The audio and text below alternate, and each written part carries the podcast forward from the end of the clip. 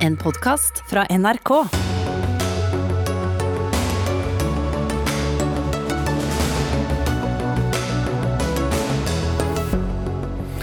Norsk klimapolitikk er blitt for selvopptatt, mener klimaforsker, og får litt rett av Miljøpartiet De Grønne. Hjemmekontorregler skaper splid i arbeidsliv. Fagforening vil ha samme krav til kontor hjemme som på jobben. Og møter arbeidsgiverorganisasjon, så ber dem ha litt magamål. Kringkastingssjefen i NRK har varslet sin egen avgang. Hvem bør ta over den jobben, spør Dagsnytt 18. Og nye, kjedelige snusbokser skulle dempe lysten på snus blant nordmenn. Det gjorde de ikke, men fortsette med det skal vi likevel. Dette er uh, ukens første Dagsnytt 18. Jeg heter Espen Aas, og senere i sendingen skal vi også bl.a. snakke om det etter hvert så anstrengte forholdet mellom Polen og EU. Og kanskje kommer det nyheter om statsråder òg. Vi får se. Men først. Vi skal uh, snakke om uh, saken som uh, ble sak nummer én for veldig mange gjennom valgkampen. Men utspill om kjøttfrie dager, utslippsfrie soner i byene, færre parkeringsplasser i byene og stans i norsk oljeleting. Du hørte nok eh, argumenter for eh, alt dette i løpet av eh, valgkampen, men er den norske klimadebatten for lokal og individorientert? Det ser du iallfall ut å mene. Steinar Andresen, seniorforsker ved Fridtjof Nansen-instituttet, du skriver i en ytring på nrk.no at den norske klimadebatten rett og slett er for selvopptatt. Hva betyr det? Det betyr at klimaproblemet er ikke skapt av Norge, og det kan ikke løses av Norge. Det er et stort globalt problem, hvor Norge selvfølgelig kan spille en rolle.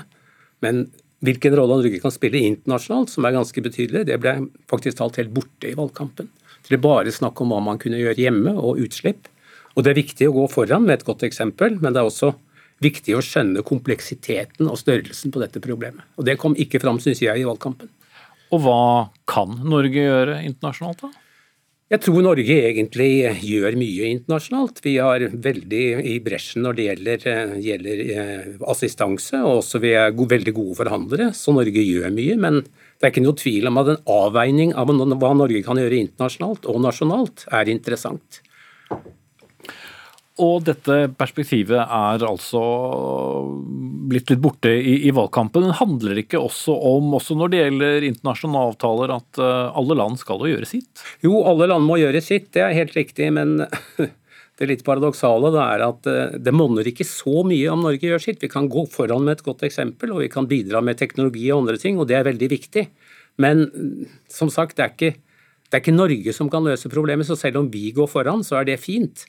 Men vi må også ha det store internasjonale blikket for å skjønne hvor vanskelig dette egentlig er. Nå fikk man spørsmål stadig hva skal gjøres for å løse klimakrisa, spurte programledere, og så ramset man opp en hel haug norske tiltak. Det løser ikke klimakrisa.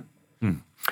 Chris Rokkan Iversen, nestleder og fungerende leder i Miljøpartiet De Grønne. Du er med oss på, på linje. Ble vi litt for sneversynte, eller nærsynte? Eh, jeg tenker jo at uh, ut fra det som, uh, som Steinar Andresen skriver i kronikken sin og sier her i dag, så er det jo noen ting jeg absolutt er enig i.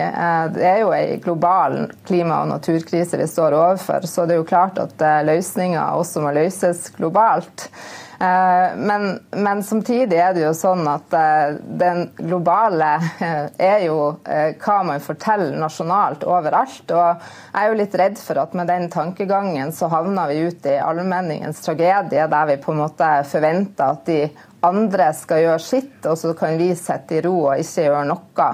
Eh, sånn at eh, Jeg er jo ikke helt enig i at nasjonale tiltak ikke er viktig. For vi kan jo ikke sitte i Norge og kreve at de skal gjøre store nasjonale løft i andre land, eh, mens vi sjøl skal på en måte sitte og vente på løsninger fra, fra, andre. da. Mm. Men ble det litt for mye fokus sånn, på færre biler i, i byene, kollektiv, mindre kjøtt i, i kostholdet osv., f.eks. da i, i valgkampen?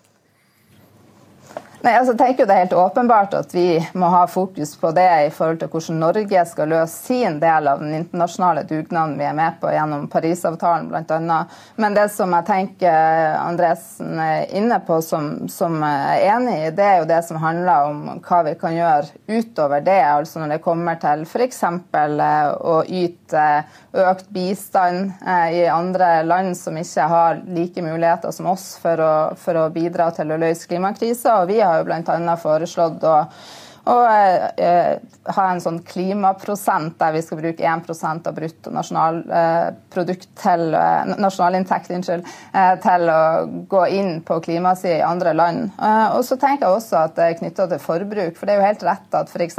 Kina er jo, er jo, verdens fabrikk, og den er jo også knytta til vårt forbruk. Sånn at vi er nødt til å se både lokalt og globalt på det. Så jeg tror vi er enige på noe, og så tenker jeg at jeg er litt redd for å skulle si at eh, vi i Norge ikke skal gjøre vår del av jobben. For det, at eh, det blir veldig Steinar Andresen, eh, hvor burde et miljøparti som MDG legge seg da i, i debatten, slik du ser det?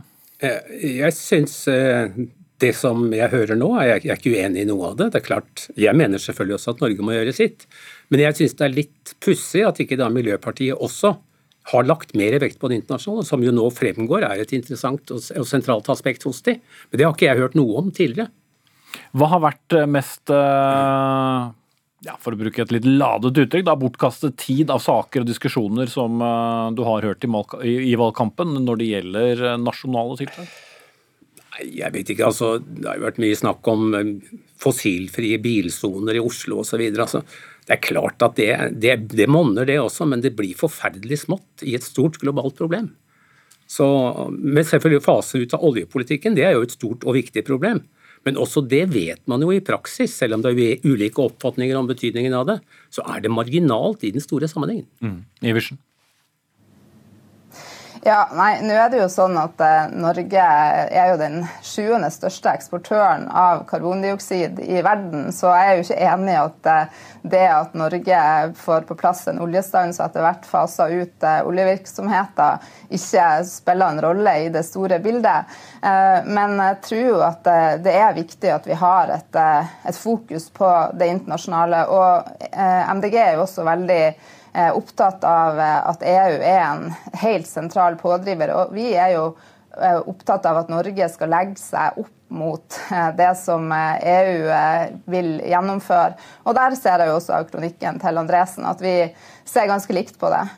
Og så tenkte jeg òg at det var, var, han, Andresen var jo inne på teknologi, men jeg tenker også at både forskning, eh, altså forskningssamarbeid og FoU-samarbeid og innovasjonssamarbeid mot eh, spesielt utviklingsland tror jeg absolutt er viktig, og at vi har gode rammebetingelser for å få eh, norske aktører, at de får til å være med på den type utvikling. Da. Det tror jeg blir kjempeviktig fremover. Så jeg tror vi er enige i mye. Eh, men, men, men som f.eks. Eh, dette med letestans, da, eh, Steinar Andresen, som har fått mye oppmerksomhet, hvor MDG f.eks. da som eneste parti satte et ultimatum. Blir det for mye fokus på saker som da også er veldig polariserende innad i, i politikken? Ja, jeg syns egentlig det, men jeg vil ikke mene noe om, om, om riktigheten av å stanse oljevirksomheten eller å stanse lesevirksomheten eller ikke. Det er ikke mitt fagfelt. Jeg driver med internasjonal klimapolitikk, og ikke primært med norsk klimapolitikk. Men ja, jeg syns det, det, blir litt snevert. Og jeg syns egentlig det er veldig rart at regjeringspartiene ikke har flagget mer hva Norge gjør internasjonalt. Jeg er kanskje vel så forundret over dem som av MDG og andre. For, for, for, som jeg sa tidligere, så gjør Norge veldig mye internasjonalt, men det er blitt borte. Og kan vi gjøre mer, og hvordan, og hvem skal vi jobbe sammen med? Det er det jeg først og fremst savner. Eh, til slutt, eh, Iversen, det har jo blitt stilt noen spørsmål med hvorfor eh, det gikk som det gikk med dere i, i, i valgkampen. Eh, vil dere gå litt til dere selv og stille spørsmål om det ble for mye lokalt og for mye for lite internasjonalt? Eh, vi skal jo selvfølgelig se på hva vi kan lære av fra vår valgkamp. Eh, men, eh, sånn som å ønske å Nettopp fordi at FN og det internasjonale krever at alle land er nødt til å slutte å lete etter mer fossil energi og olje og gass, det er jo ikke et standpunkt vi kommer til å vike ifra. Tvert imot. Der setter vi strek. Takk til Chris Rokkan Iversen, nestleder i MDG, og Steinar Andresen, seniorforsker ved Fridtjof Nansen institutt.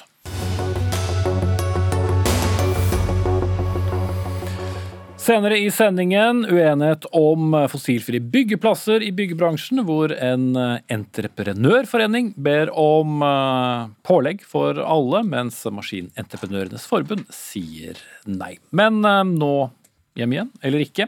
Mange har iallfall praktisert uh, mer eller mindre velfungerende hjemmekontorer i løpet av uh, pandemien. Etter at Norge åpnet igjen for uh, om lag to uker siden, så har diskusjonene begynt om vi skal fortsette med mer bruk av hjemmekontor. Og i så fall, hvordan skal dette gjøres? I våres sendte regjeringen ut uh, endringer i uh, forskrift om arbeid i arbeidstagers hjem på høring. Og Tone R.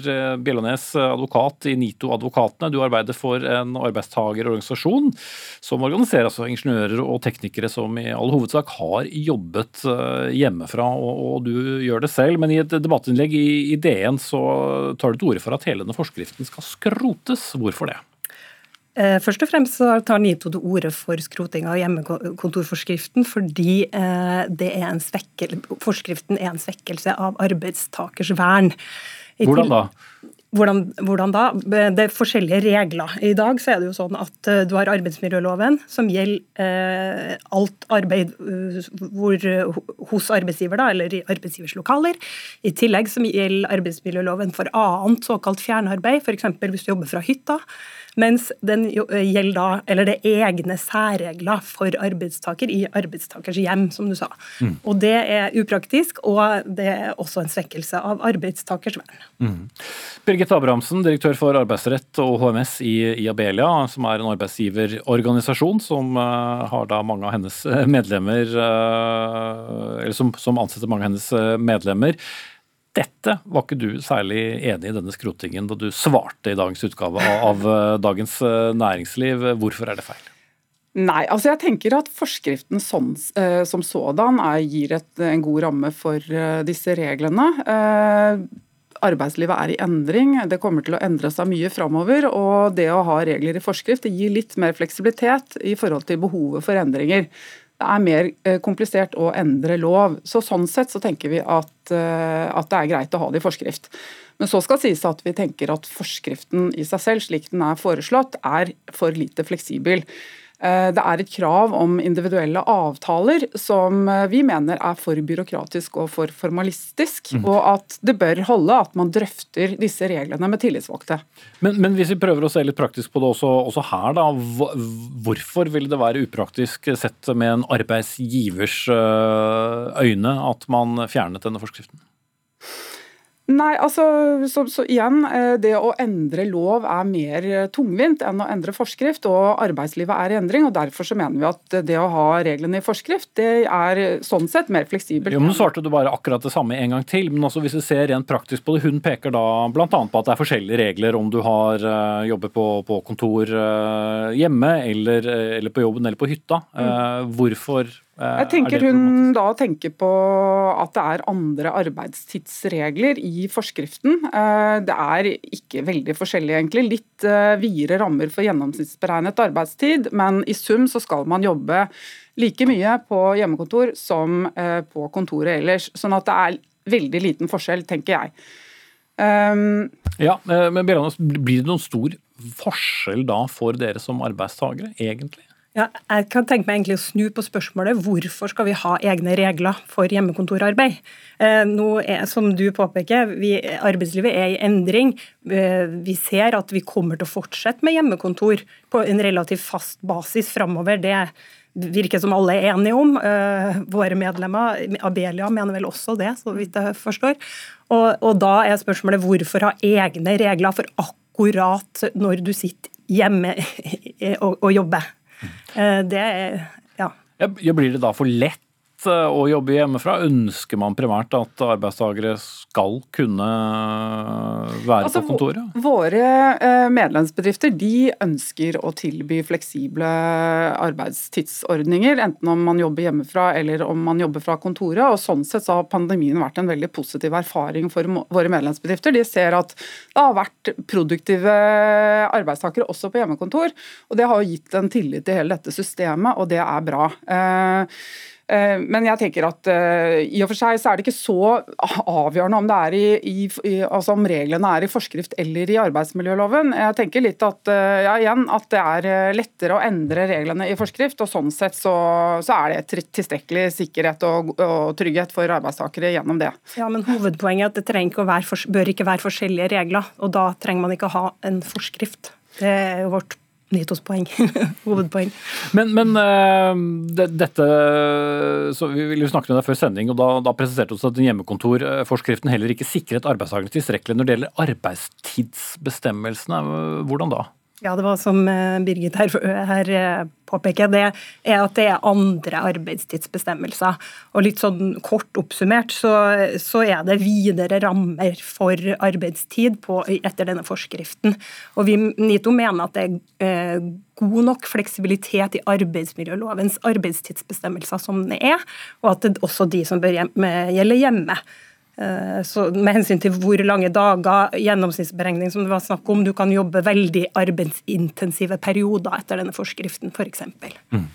Som er en fordel, sånn som det er uh, ja, i dag? Ja, altså jeg tenker at Det at man kan jobbe av og til på andre tidspunkter enn det man kan etter arbeidsmiljøloven, det kan være positivt. Jeg tenker at begge, altså både arbeidsgivere og ikke minst arbeidstakere kan finne hensiktsmessig. Uh, F.eks. at man av og til kan jobbe på søndager. Eh, men jeg tenker at eh, når det gjelder fleksibilitet, så er egentlig vårt hovedpoeng at eh, det at det stilles et krav til individuelle avtaler, det mener vi er unødvendig.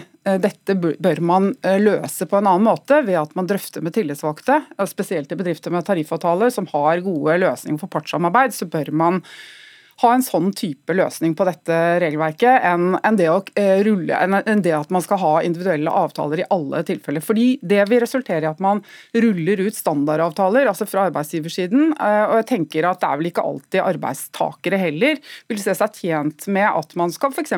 måtte jobbe tre dager hjemme i uka. Altså, behovet vil jo være for bedriftene at, at altså arbeidskraftsbehovet kan være forskjellig og variere fra uke til uke.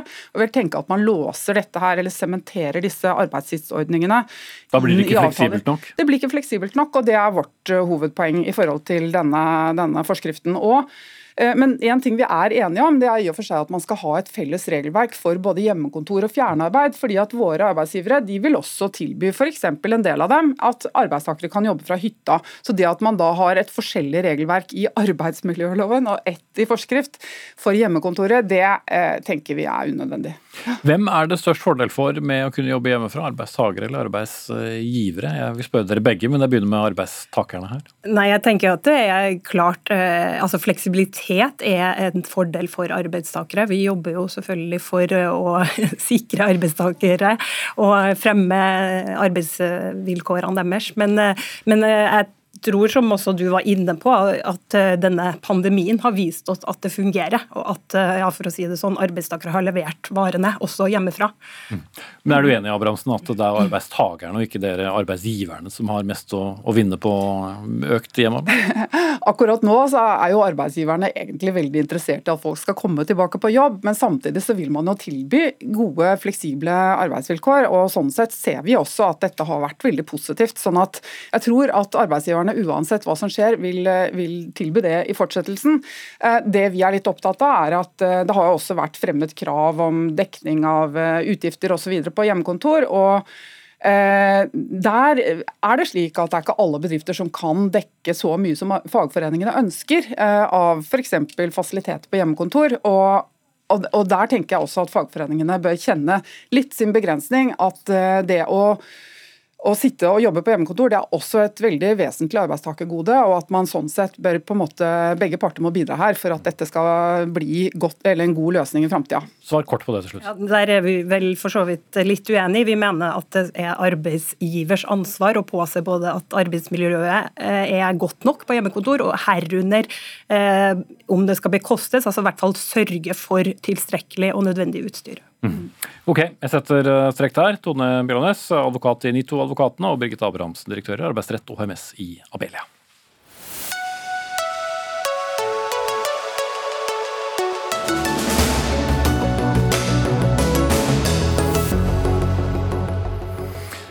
Sluttvignetten for eh, kringkastingssjef Tor Gjermund Eriksen den eh, spilles av en eller annen gang neste år. Iallfall informerte han i dag styret her i NRK om at han vil gå av i 2022 etter nesten ti år i jobben. Og hvorfor vil du ikke dette mer, Tor Gjermund Eriksen?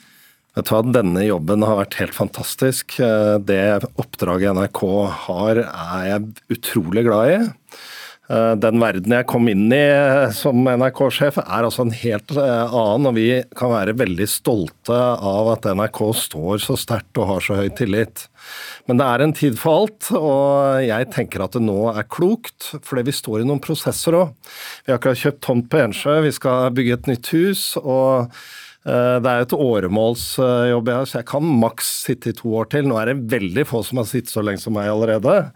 Uh, og dette er ikke et sukk over åremål, for det er jeg for, men det er en realitet at jeg da må slutte i begynnelsen av 2025 senest. Og da, står, da skal liksom organisasjonen motiveres, engasjeres, inkluderes. ikke sant, og få skikkelig trøkk. Skal jeg stå på ølkassa og, og, og motivere som, som, som til flytting?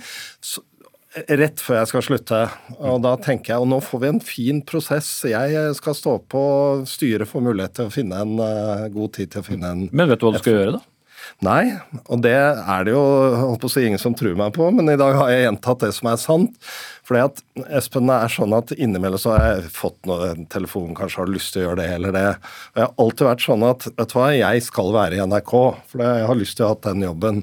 Og det nytter ikke å labbe rundt, altså undersøke arbeidsmarkedet mens jeg skal ta vare på NRK passe på NRKs omdømme, uavhengighet. Da skal jeg ikke holde på med andre ting. Mm. Derfor så ble det denne rekkefølgen. Uh, og, og, så er det jo litt sånn At det kommer litt overraskende, er jo bra, da.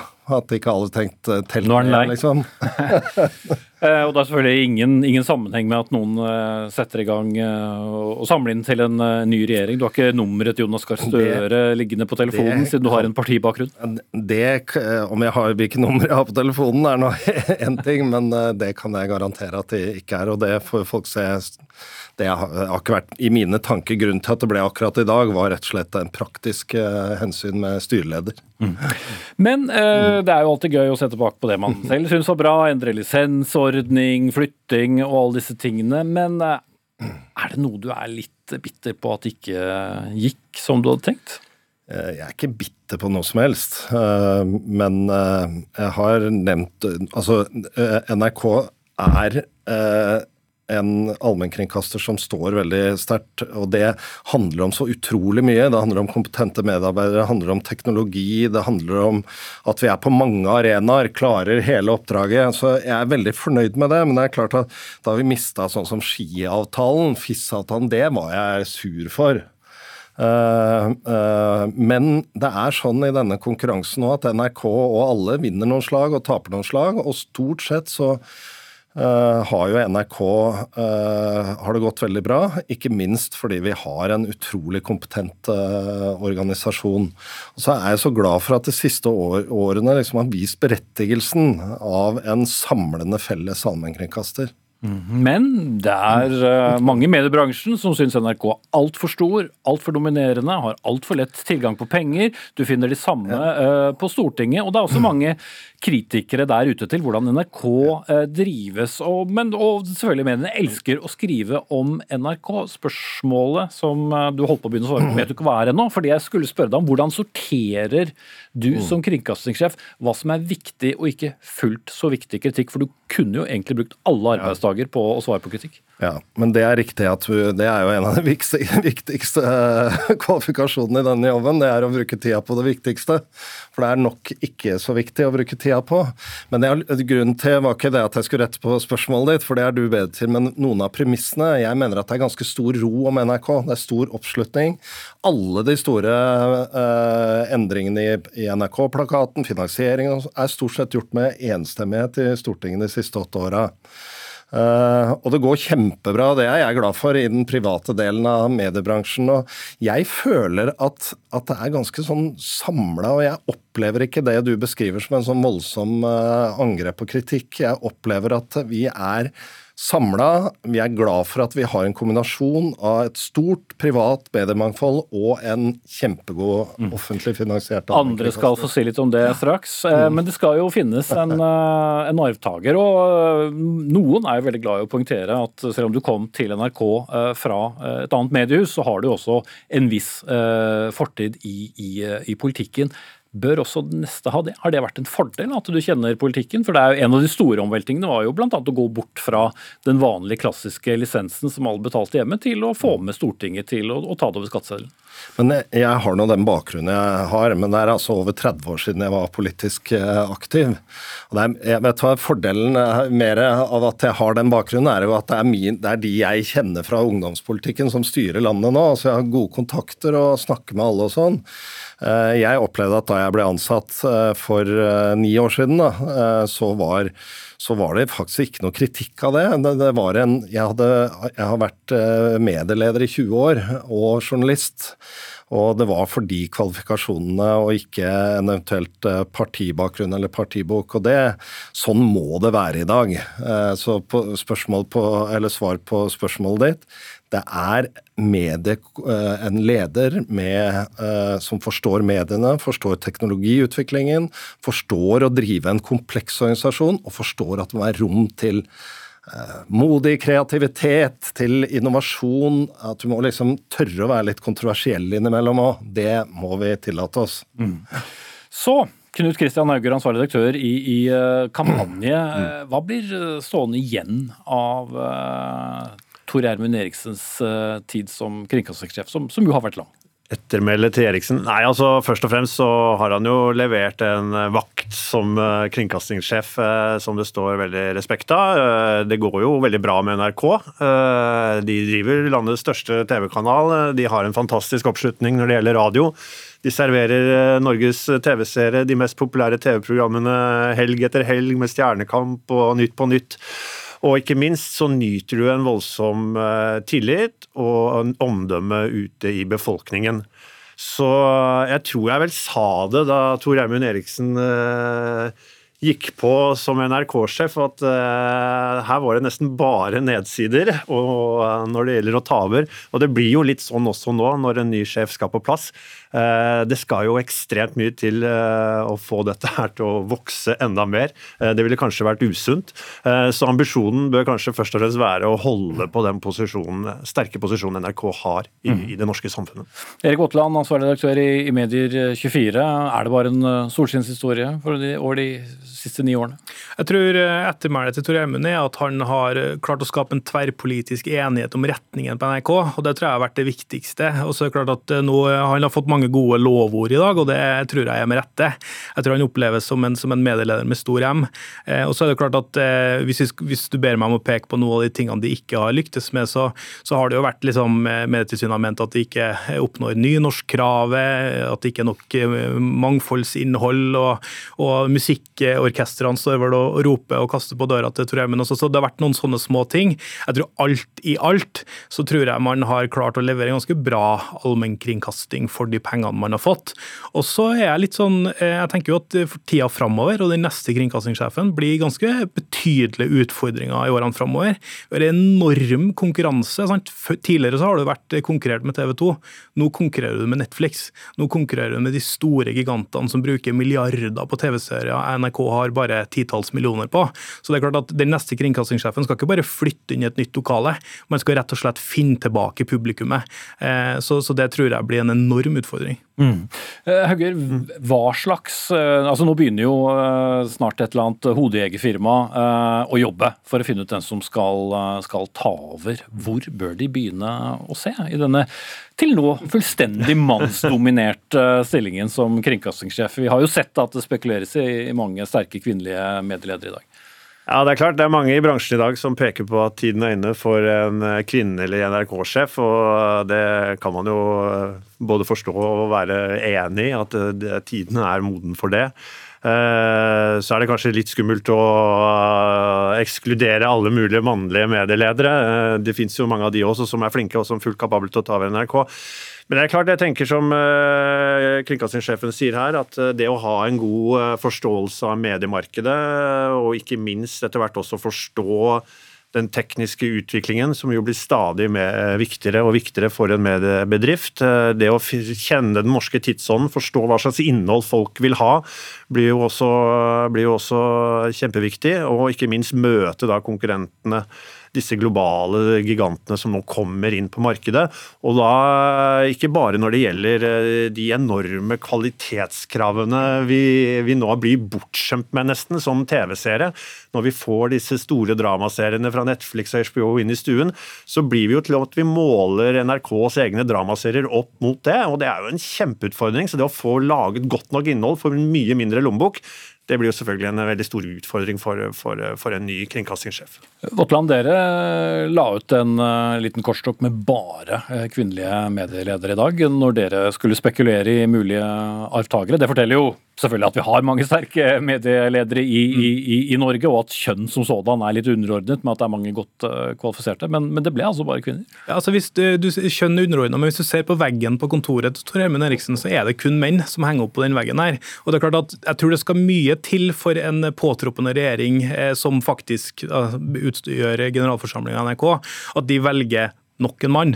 Og så betyr ikke det at det ikke finnes dyktige menn. Jeg kan peke på i hvert fall ti dyktige menn, men, men vi, vi, kan minst peke på fem dyktige kvinner også.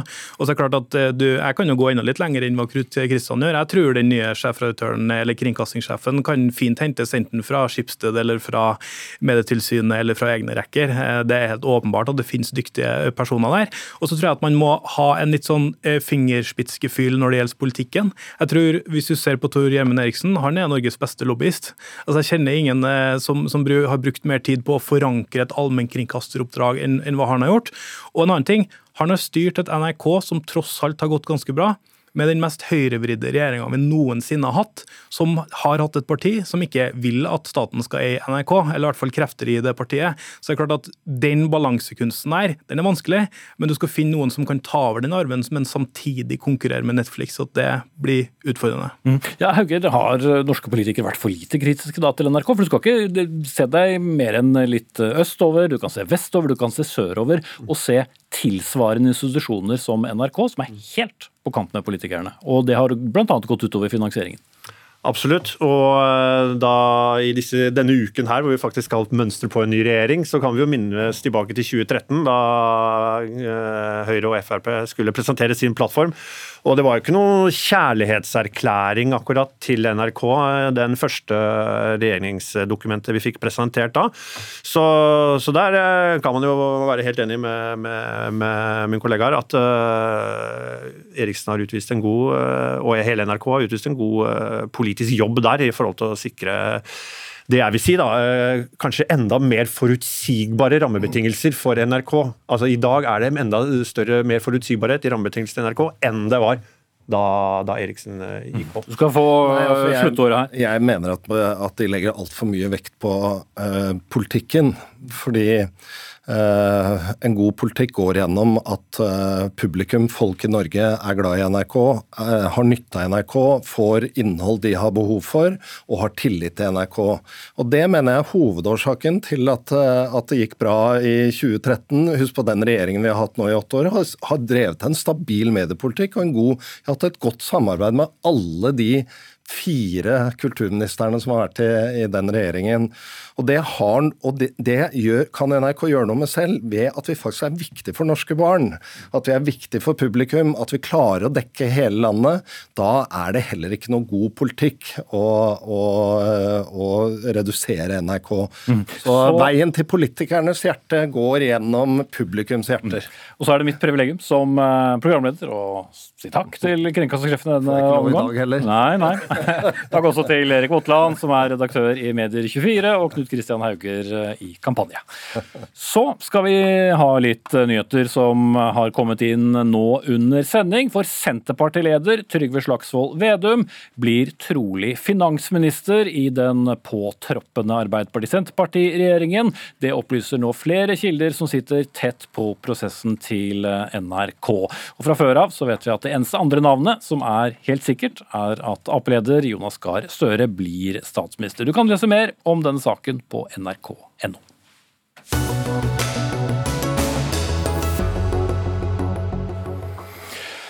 Kommuner, altså offentlige, kan i dag kreve at deres byggeplasser er fossilfrie. Og hva betyr det? Jo, det kan f.eks. bety at eh, det kun brukes biodiesel eller elektriske maskiner i arbeidet i stedet for bensin og diesel. Og nå vil Entreprenørforeningen Bygg og Anlegg at alle byggeplasser, også private, skal være fossilfrie, uansett hvem som eh, er oppdragsgiver.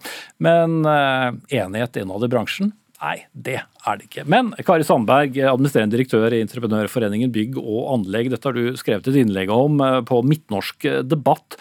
Hvorfor trenger bransjen å pålegges dette?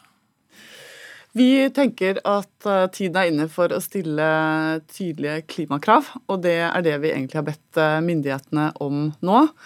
Og noe av grunnen for det er at eh, bygg- og anleggsbransjen er Norges største fastlandsnæring, så derfor er vi også en veldig viktig del av eh, løsningen i forhold til å nå klimamålene for både 2030 og 2050. For det er mange utslipp fra din bransje? Det er, eh, det er, det I Norge så er det lavere enn det er ellers i verden. Vi står for rundt 15% av utslippene i Norge, så vi har absolutt en jobb å gjøre her også. Og vi tenker nå at uh, noen må være opptatt av å få en leveranse på dette sluttproduktet. Og, og, da at vi får krav som er like for både statlige, regionale og kommunale byggherrer, og ikke at dette blir krav på noen enkelte statlige prosjekter. Det er sjelden jeg får folk i studio som sier at de ber om strengere krav. Hva er dere å vinne på det? Vi er en viktig del av løsningen, og eh, entreprenørene eh, har kompetansen. Vi har teknologien, eh, og vi mener at vi må ta det ansvaret. Ikke nok med det, men kravene kommer jo.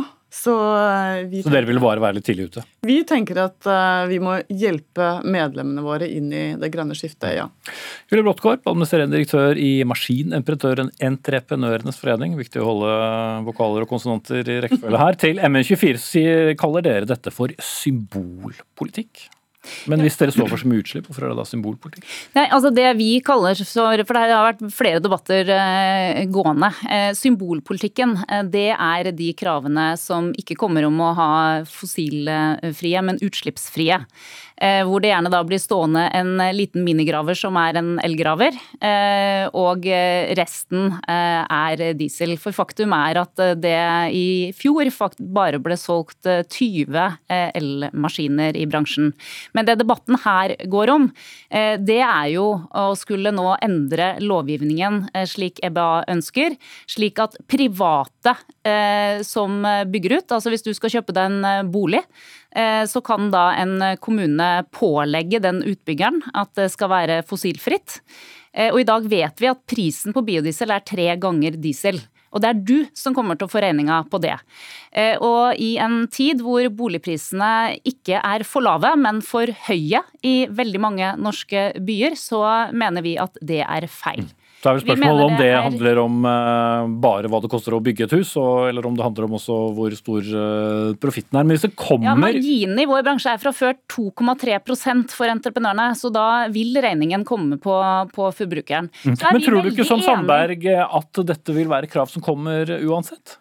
Det er krav som, som ligger der eh, de, fra de fleste kommuner eh, allerede. Eh, men det er krav som har kommet i det siste.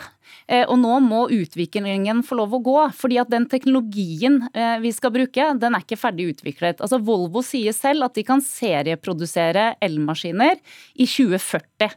Det er ganske mange år til. Mm. Så det å være fossilfritt er fint, men da må byggherrene nå, som er offentlige og kommunale, komme med det i krav, for de må betale for det. Og På den måten kan vi få utslipp ned. Men mm. kommer det på private eh, byggeplasser, så er det forbrukeren som får det.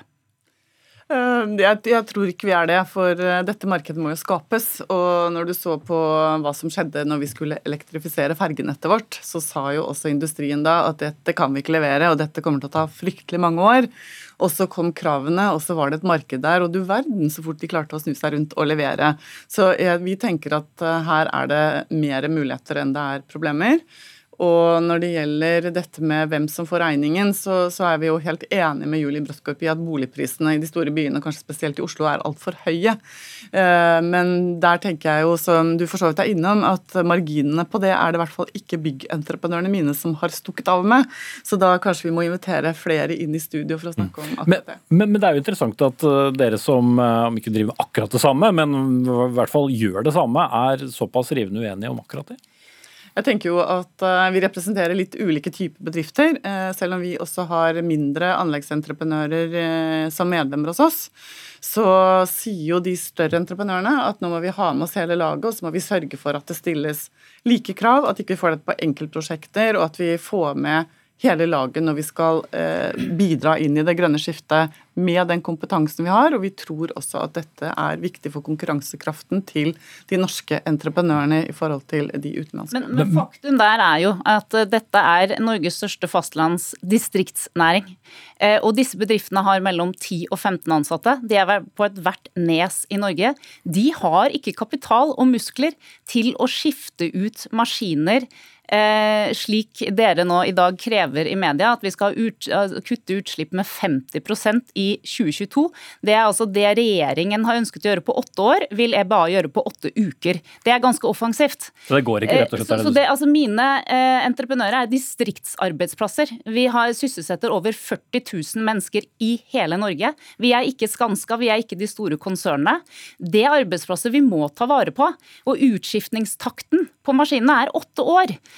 Eh, at det må være en viss realisme i å være offensiv i media når man, eh, man krever ting fra politikere. Det, det, er ganske lurt. Jeg tenker at uh, i, i, Hvis vi ser oss litt i bakspeilet, så er det raskt, uh, hvor raskt vi har klart å endre oss i forhold til nye krav. Så har jeg tro på at vi skal uh, også få til det fremover. Men du skifter hele maskinparken i, i neste år? jeg tror også at den dialogen vi har med myndighetene og kundene, så skal vi få til dette på en god måte. Når Oslo ja, kommune innførte det Når Volvo sier at de produserer dette i 2040, ja, så skal du ha det neste år. Det, det syns jeg er ganske imponerende. med fra andre næringer at um, industrien klarer faktisk å levere når markedet er der. Og vi må gjøre dette i dialog med myndigheter og med kunder. Og det er jo helt riktig som Julie sier, i, i Oslo f.eks., hvor vi har hatt elektriske maskiner, og så kjøres det masser ut fra byggeplassen og lastes over på, på fossile diesel, ja. Vi vil ikke ha det sånn. Mm. For å være litt løsningsorientert til slutt, da, Broskop, hvordan skal man da møte utslippskrav som helt sikkert eh, kommer? akkurat slik den planen som er vedtatt i Stortinget er, eh, hvor det er ganske stramme krav fra før, men hvor de har innsett at det må ta steg fra steg. Nå er vi på diesel, de skal ha oss over på biodiesel. Og når teknologien er der, så er vi veldig klare for å ta den i bruk. Men å ta i bruk maskiner som ikke finnes, det er vi veldig imot.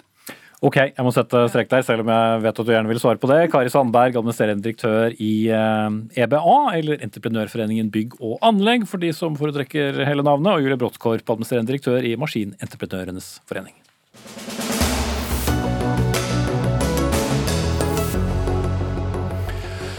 Så skal vi snakke om eh, det anstrengte forholdet mellom Polen og EU. I dag pågår det en høring i EU om bl.a. Polens omstridte lovhåndtering den siste tiden. For før helgen bestemte den polske regjeringen at EU-lover ikke lenger skulle veie tyngre enn polske lover. Flere har fryktet for at dette til slutt kan ende i et brudd mellom EU og, og Polen, som jo er unionens største medlem i øst. Og Europakorrespondent her i NRK, Simen Ekern, du er med oss fra Brussel. Hvorfor har det blitt så harskt mellom EU og Polen? Ja, dette forholdet har jo ikke vært særlig bra eh, ganske lenge nå, men det toppet seg altså på torsdag da, da Polens eh, forfatningsdomstol eh, fattet dette svært omstridte vedtaket. Eh, der man altså sier at det finnes områder av eh, eh, polsk rettspraksis som, som, på ingen måte skal være underlagt EU-retten. Og Fra de andre europeiske medlemslandene så svarer man jo at dette er jo et av grunnprinsippene. Det er ikke sånn at man kan uh, begynne å spille en fotballkamp, og så plutselig underveis, underveis, så sier man at nå er det noen andre regler som gjelder. Uh, så dette er uh, alvorlig for forholdet mellom Polen og EU. og det er jo mange som spør seg nå om, om, om den utviklingen her enten villet eller enten man vil eller ikke, fører til en eller annen prosess mot en slags pol-exit. Altså at dette er starten eh, på eh, slutten. Og Så er det jo andre igjen som mener at det ikke kommer til å skje, men det er et spill der eh, man har satset ganske mye på hver side, og det er vanskelig å se for seg nå hvordan EU skal kunne trekke seg tilbake og si at dette er greit, det Polen har gjort.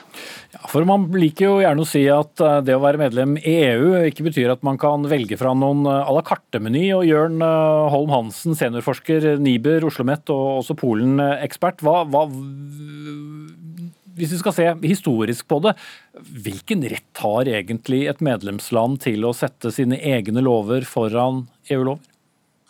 Nei, Medlemslandene har jo forpliktet seg av EU-traktaten, eh, e eh, som slår klart fast at eh, man skal ha en rettsstat, og at domstolene skal være uavhengige av Eh, den til enhver tid sittende regjeringen i et medlemsland.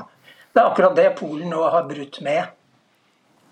Og Vi husker jo at uh, også britene var jo ikke like glad i, i, i alle uh, forordninger når det gjaldt med EU, og det satte jo etter hvert i gang en, en, en, en, lang prosess som endte med i en britisk utmeldelse. Slik du leser bildet nå mellom Polens ja, først og fremst regjering da, og, og EU, hvor kritisk er dette forholdet? Ja, Det er veldig kritisk, men fordi dette er liksom eh, kronen på verket etter mange års stridigheter mellom den nasjonalkonservative regjeringen i Polen og EU.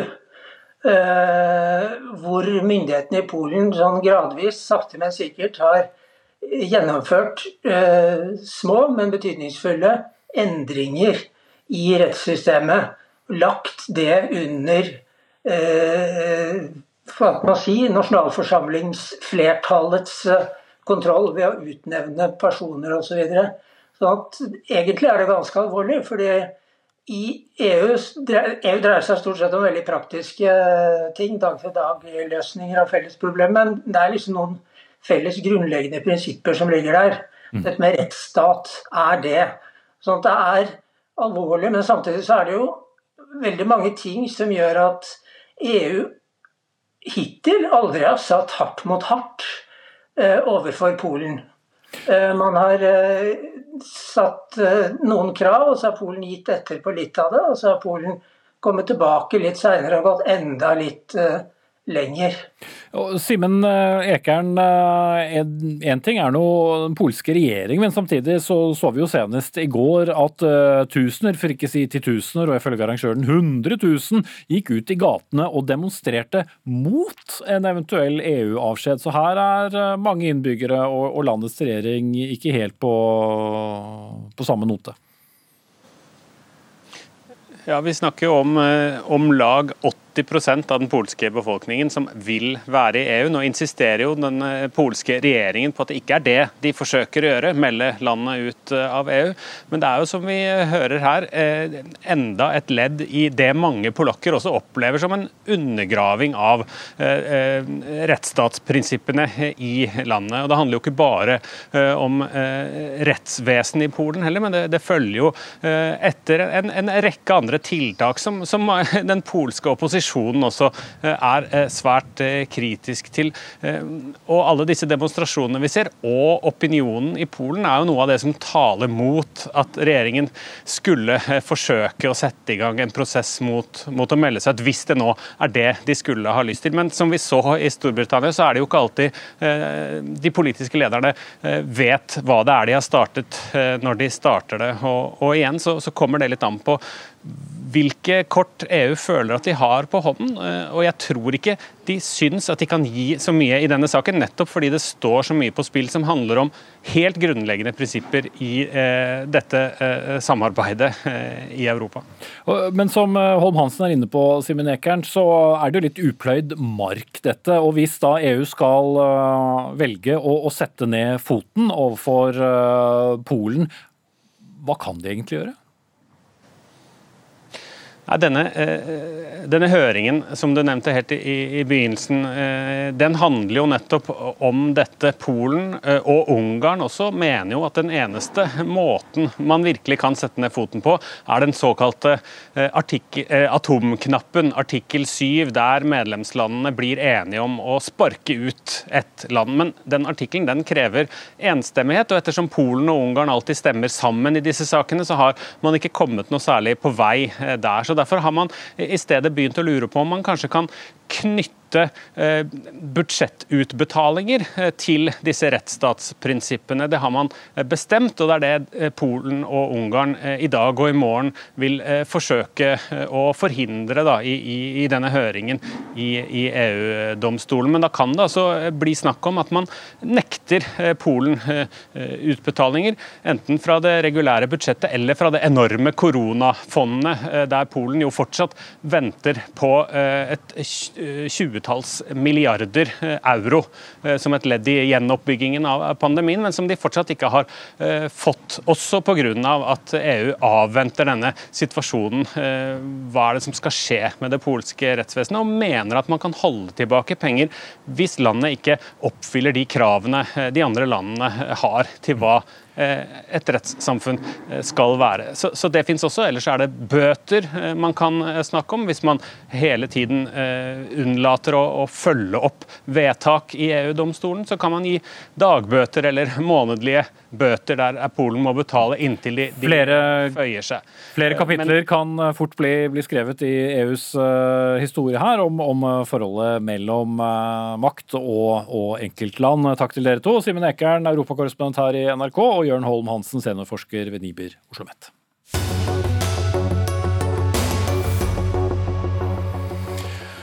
Hvor eh, mye hjalp det på snusbruken å kreve styggere og kjedeligere forpakninger? Vel, intensjonen til regjeringen var at snusbruken skulle gå ned, men det ser ikke ut til å ha hjulpet særlig, ifølge en ny studie fra Folkehelseinstituttet. Mange mente til og med at eh, snusboksene så fresher ut med ny farge. Og la oss uh, hente inn uh, en som uh, ikke skal slenge med leppa, men vet i hvert fall hvordan det er å bruke leppa. Christer Nilsen, du kaller deg selv for snusmisbruker, men vi får jo kalle deg for snuser, da. Du har skrevet et debattinnlegg i Nettavisen med utgangspunkt i denne studien fra FHI, som bl.a. ble omtalt på, på forskning.no i dag. Ble du overrasket over funnet om at dette ikke hjalp noe på snusbruken? Nei. Eh ble ikke overraska i det hele tatt. Eh, dette var jo noe vi sa når de innførte dette tilbake. og eh, Bent Høie sto og fortalte at nå skulle vi innføre en nøytral innpakning. Eh, det, det, har jo ingenting å si. Det er jo innholdet i de pakkene som har noe å si for oss som snuser og røyker, ikke pakningen i seg sjøl. Skal bare korrigere meg selv, Det var faktisk NO som omtalte dette. Men, men hvorfor fungerer ikke dette som du ser det? Nei, altså innholdet er jo avhengighetsskapende. Eh, avhengigheten eh, med nikotinen eh, gjør jo at eh, vi fortsetter å bruke det. Eh, vi klarer ikke å slutte. Eh, og vi mener at myndigheten må sette inn andre tiltak som faktisk fungerer. Som f.eks.? Nei, det, det, er ikke en forsker eller jobber ikke i helsevesenet til å kunne forklare nøyaktig hva jeg trenger, men jeg vet iallfall hva som ikke fungerer. Og innpakning fungerer ikke. Mm. Sveinung Stensland, stortingsrepresentant eh, for Høyre.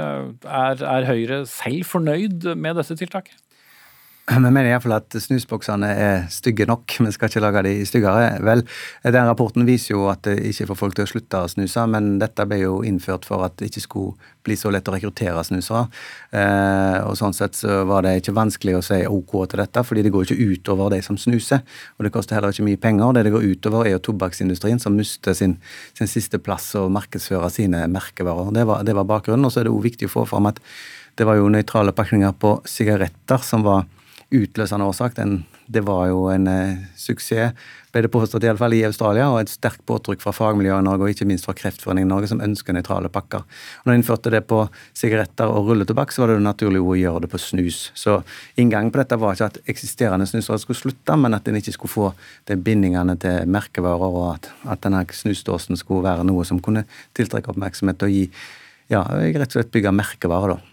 Men er det da noe poeng å, å fortsette å ha dette kravet? Nei, ja, Nå kommer denne rapporten i dag. Eh, dette er ikke den saken som så mange i Høyre brenner veldig for, men det var verdt å prøve. Vi har jo forpliktet oss gjennom tobakkskonvensjonen bl.a. til å gjøre tiltak for å få ned tobakksbruken. og det er jo som, som min motdebattant er inne på, det er jo vanskelig å slutte å snuse. og Da må jo jobben handle om å få folk til å ikke begynne å snuse. Og Hvis dette ikke virker, eh, hvis dette ikke var noe poeng, så er, det ikke vanskelig å snu på det. Men det må jo da en eventuell eh, ny regjering ta stilling til, for dette er jo noe som må jobbes med litt mer grundig enn vi kan ta det over i en debatt i studio.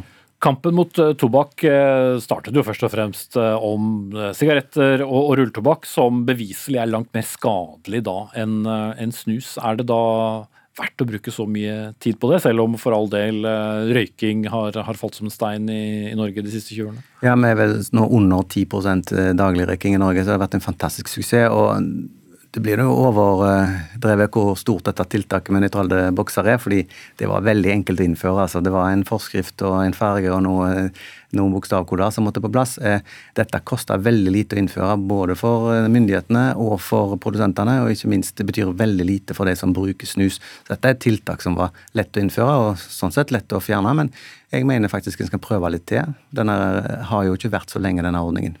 Eh, jeg vet at du kommer til å svare på akkurat det, Kristin Nilsen, men eh, ville du f.eks. hatt eh, avskrekkende bilder på, på snusforpakningen, sånn som jo bl.a. mange land har på, på sigarettpakningen? Ville det hjulpet bedre enn en, ja, en litt stygg grønnfarge? Nei, det tror jeg ikke ville hjulpet noen ting. De fleste nordmenn reiser gjerne til Syden på ferie, hvor de har hatt disse bildene på tobakken, og vi kjøper uten problemer tobakk i utlandet med disse bildene på. Eh, det vi må finne, det er en måte det, som kan hjelpe oss som snuser og røyker, til å faktisk få den hjelpen vi trenger til å slutte. Vi må òg ha motivasjon hvis vi skal slutte. Det er ikke noe vi bare kan bestemme oss for at i dag skal jeg slutte. Vi må ha motivasjon for å slutte. Og bilder er ikke avskrekkende nok. Mm. Så ble jo snus billigere, da, eller avgiften gikk jo ned med, med 25% Hvordan syns du det hjalp på, på, snusingen? Nei, eh, det hadde ingen innvirkning. De kunne, det, snusen kunne koste 1000 kroner boksen. Folk hadde fortsatt snust. Folk velger giften foran noe annet. Eh, de, de velger snus foran mat på bordet. Eh, fordi at snus er et fysiologisk behov på lik linje med mat og vann. Så prisen har ingenting å si. Mm. Ja, det var jo et egentlig retorisk spørsmål, da, men Stensland, var det, hvis, hvis, man ønsker å få ned forbruket, er det da noe klokt å, å, sette ned avgiftene? Jeg vet at ikke dere var pådriveren, at det var Frp, men, men likevel, sånn ble det. Ja, hvis målet er å begrense snusbruken, så å sette prisen ned vil jeg tro ikke gjør at færre snuser. Da. Og så til dette at det er et fysiologisk behov, det er det vel strengt tatt ikke før du har begynt å snuse. Så det tiltaket her var jo mynta på at eh, ungdommer ikke skulle begynne å snuse, og, og det er blant unge, spesielt unge damer, at snusbruk forbruken har økt mest. og Det er en tendens som da som da er alarmerende, så er veldig sterkt, men det er ikke bra. For det, for det, det er veldig få fysiologiske prosesser der nikotin er bra for deg. Stort sett er det bare negative sider ved det. Jeg vet at det, det kan påvirke tannkjøtt, munn og andre ting, men det kan også være positivt, for du får ikke så mye hull i tennene, har jeg hørt fra en tannlege. Men, men det er veldig få grunner for naturen som sier at du skal bruke snus. Men noen velger å bruke det, og det må jo være helt fantastisk, som det høres ut. Men, men 1000 kroner boksen var jo en godt innspill til budsjettforhandlingene i Stortinget, for de trenger sikkert penger. Men, men, eh, men, eh, jeg mener fortsatt at målet må være at færrest mulig begynner å snuse. Det er ingen grunn til å begynne med det. det men, men, hvis færrest mulig skal begynne å snuse, hvis færrest mulig skal begynne å røyke og snuse, så er ikke pakningen som du må endre på. Nei, Da setter jeg et punktum der, for nå har jeg ikke eh, mer eh, tid igjen å gi dere. Sveinung Stensland og Christer Nilsen. Denne sendingen er over. Gro Arneberg hadde ansvaret for innholdet. Ragnhild Bjørelykke tok seg av det tekniske. Jeg heter Espen Aas. Vi er tilbake igjen i morgen på statsbudsjettdagen.